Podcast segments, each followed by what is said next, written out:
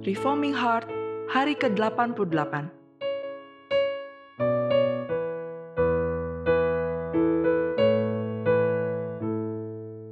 Renungan ini diambil dari website pemuda.stemi.id.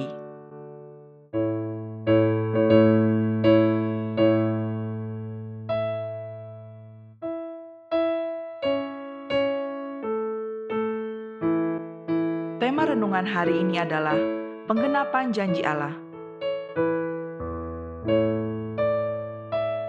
Mari kita membaca Alkitab dari satu Raja-Raja pasal 8 ayat 1 sampai dengan ayat 21.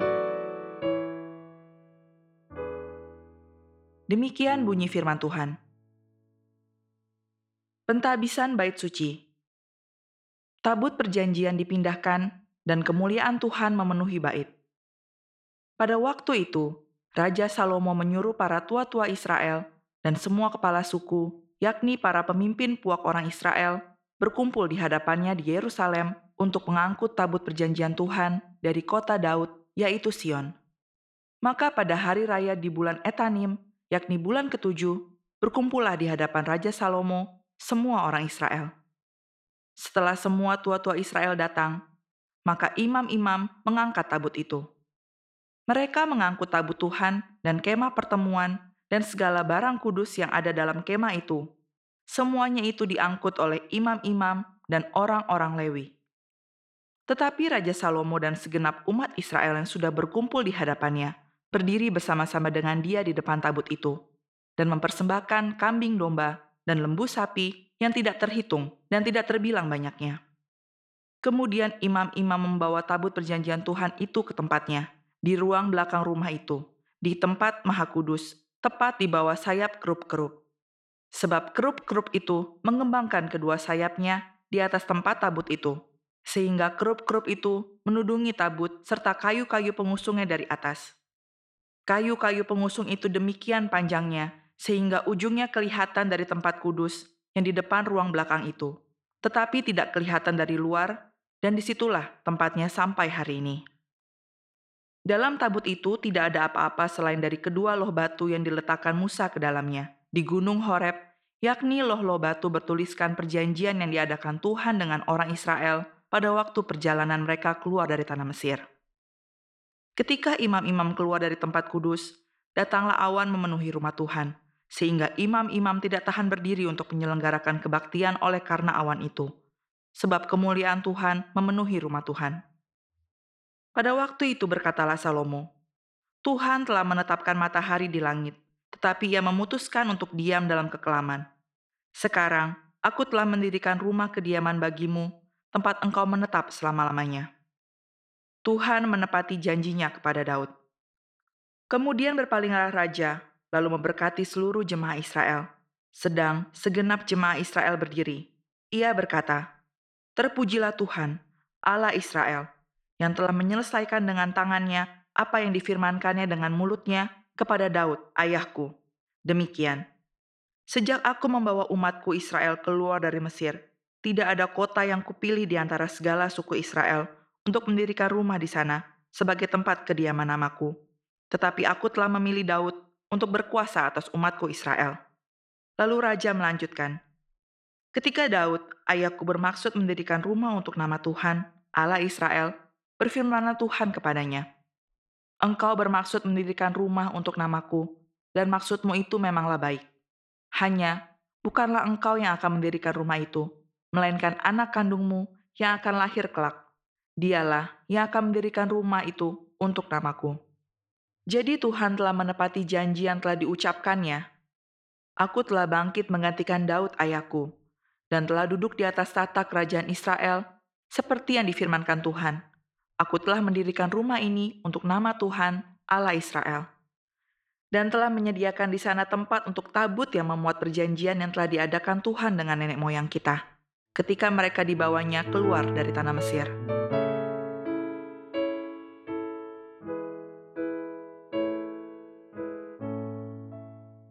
Sekarang, Tuhan mengizinkan Salomo menabiskan bait suci. Proses penabisan dimulai dengan membawa tabut perjanjian. Masih ingatkah saudara? ketika Daud ingin membawa tabut perjanjian? Mari kita melihat kitab 2 Samuel pasal 6 ayat 1 sampai 3.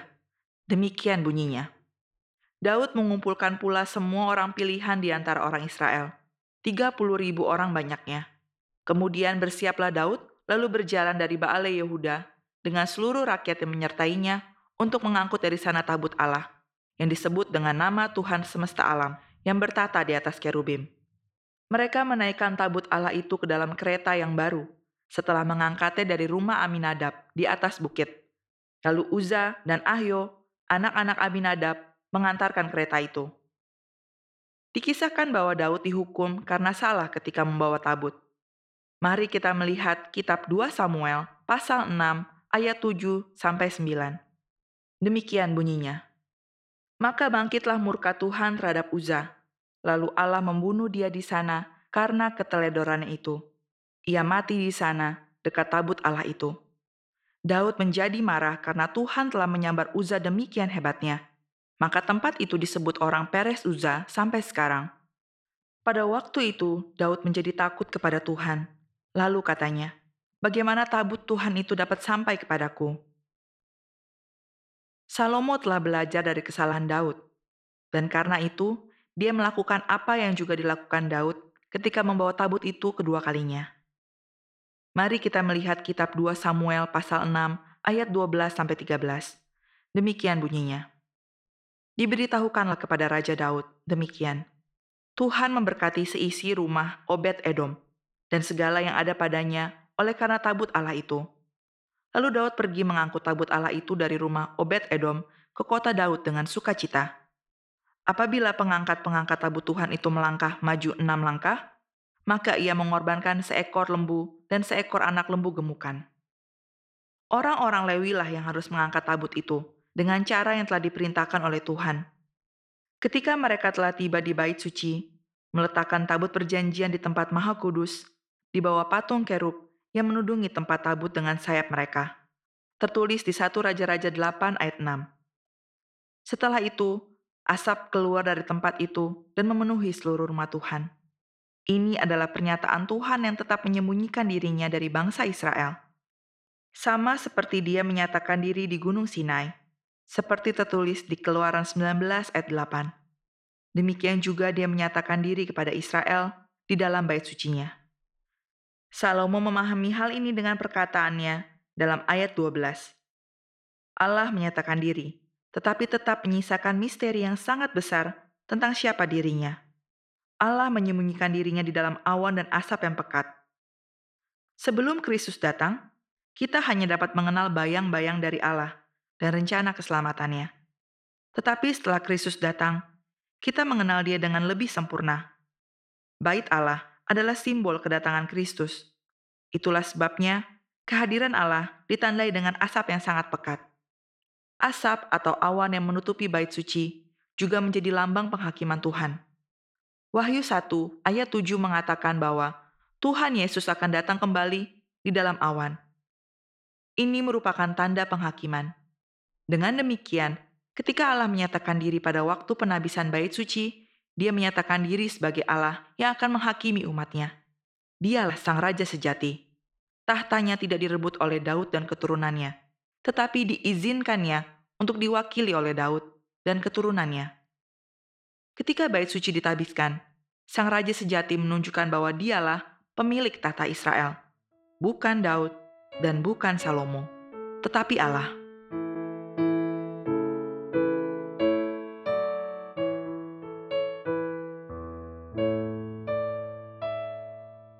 Bagian ini menjelaskan bahwa kehadiran Allah di dalam bait suci secara fisik belumlah merupakan penyataannya yang puncak.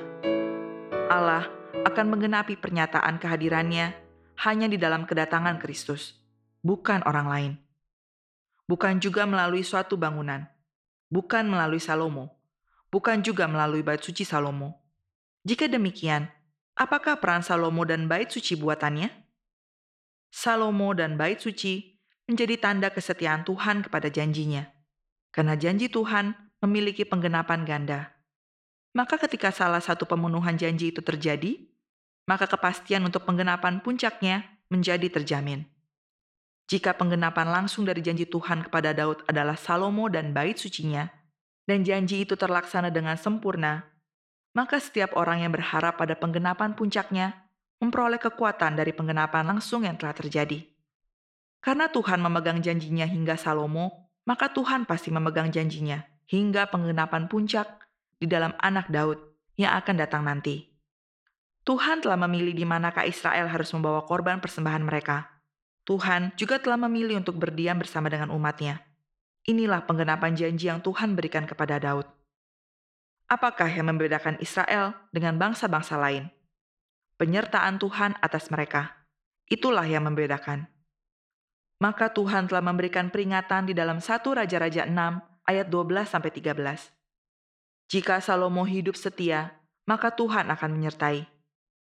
Perhatikan bahwa Tuhan menuntut kesetiaan dari sang raja, bukan seluruh Israel. Israel akan diberkati kalau Israel taat. Inilah perjanjian antara Tuhan dengan umat Israel. Tertulis di Ulangan 11 ayat 26 sampai 27. Tetapi Israel akan diberkati kalau raja Israel taat. Inilah perjanjian dengan dinasti Daud. Salomo akan menyebabkan seluruh Israel mendapatkan berkat dan penyertaan Tuhan jika dia setia. Salomo akan menyebabkan seluruh Israel mendapatkan murka dan hukuman jika dia tidak setia. Inilah konsep perwakilan dari Daud dan keturunannya. Konsep perwakilan ini melambangkan Yesus Kristus. Yesus Kristus mewakili kita di dalam doa, permohonan, penebusan, dan ketaatan, serta kemenangan. Ketaatan Kristus membuat kita semua diterima menjadi anak-anak Allah di dalam Kristus, Sang Anak Allah. Demikian juga bayang-bayang Kristus, yaitu Salomo. Dia dituntut untuk setia kepada Tuhan, supaya seluruh bangsanya mendapatkan berkat. Setelah penabisan bait suci, Salomo memberkati rakyat dengan mengatakan puji-pujian bagi Allah. Hanya Allah yang layak dipuji, karena seluruh karya membangun bait adalah berasal dari kemurahannya belaka. Dialah yang memberikan pimpinan dan penyertaan menghadapi apa pun. Karena Allah setia, maka bait suci dapat berdiri dan janjinya menjadi tergenapi.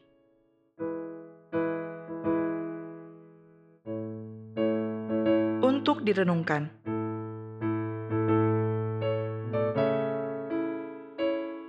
Allah memiliki hikmat untuk memberikan janji, memelihara janji, dan menepati janji.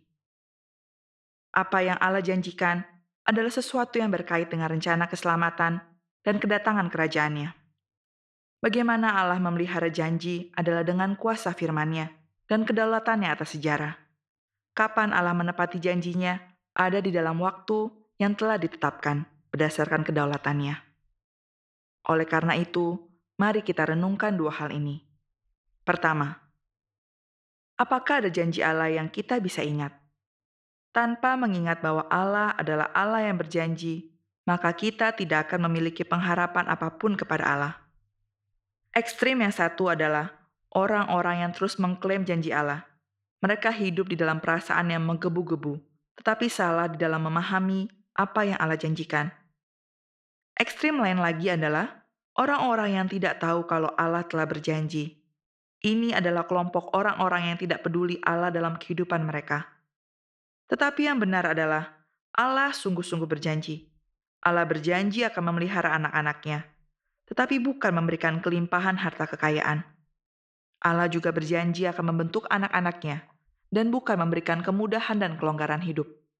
Dan Allah juga berjanji bahwa rencana keselamatannya dan sejarah kedatangan kerajaannya akan terus terpelihara dan menjadi genap pada waktunya. Janji yang berpusat pada kerajaan Allah, bukan pada individu-individu. Mari mengingat bahwa Allah adalah Allah yang berjanji, tapi biarlah kita juga ingat kalau dia adalah Allah yang berdaulat, menentukan apa yang mau dia janjikan, dan bagaimana dia mengedapi apa yang dia janjikan. Yang kedua, marilah kita melatih diri untuk melihat janji Allah di dalam Alkitab secara keseluruhan. Apa yang Allah nyatakan atau kerjakan di dalam Alkitab, dan apa yang paling mendominasi bagian Alkitab. Bukankah Alkitab banyak diwarnai oleh sejarah keselamatan yang Allah kerjakan? Mulai dari memanggil Adam Israel, dan orang-orang percaya? Bukankah sejarah keselamatan berfokus kepada satu pribadi bernama Yesus Kristus? Bukankah menyatakan kemuliaan anak tunggal Allah adalah dorongan yang paling besar di dalam diri Allah? Jika hal-hal tadi telah kita sepakati, maka marilah kita mengaitkan hidup kita dengan seluruh rencana kekal Allah. Totalitas rencana keselamatan menjadi wadah untuk kita memahami apa yang Tuhan janjikan bagi kita. Biarlah kita tidak menjadi orang-orang yang berpusat pada diri sendiri, hanya tahu diri sendiri, pergumulan diri sendiri, kesulitan diri sendiri, tetapi tidak pernah belajar mengkaitkan apa pun dengan rencana kekal Allah yang telah Allah nyatakan di dalam Alkitab baik kehidupan kita, pekerjaan, pengetahuan, relasi, keluarga, uang, pergaulan sosial, semua harus berkait dengan rencana Tuhan untuk menyatakan anak tunggal Allah sebagai satu-satunya jalan keselamatan. Mari kita berjanji untuk melihat seluruh rencana besar Allah di dalam Alkitab, agar kita dapat mempunyai pengertian total atas seluruh sejarah. Dari situlah, baru kita dapat mulai melihat bagaimana hidup kita dapat dikaitkan dengan sejarah keselamatan Allah.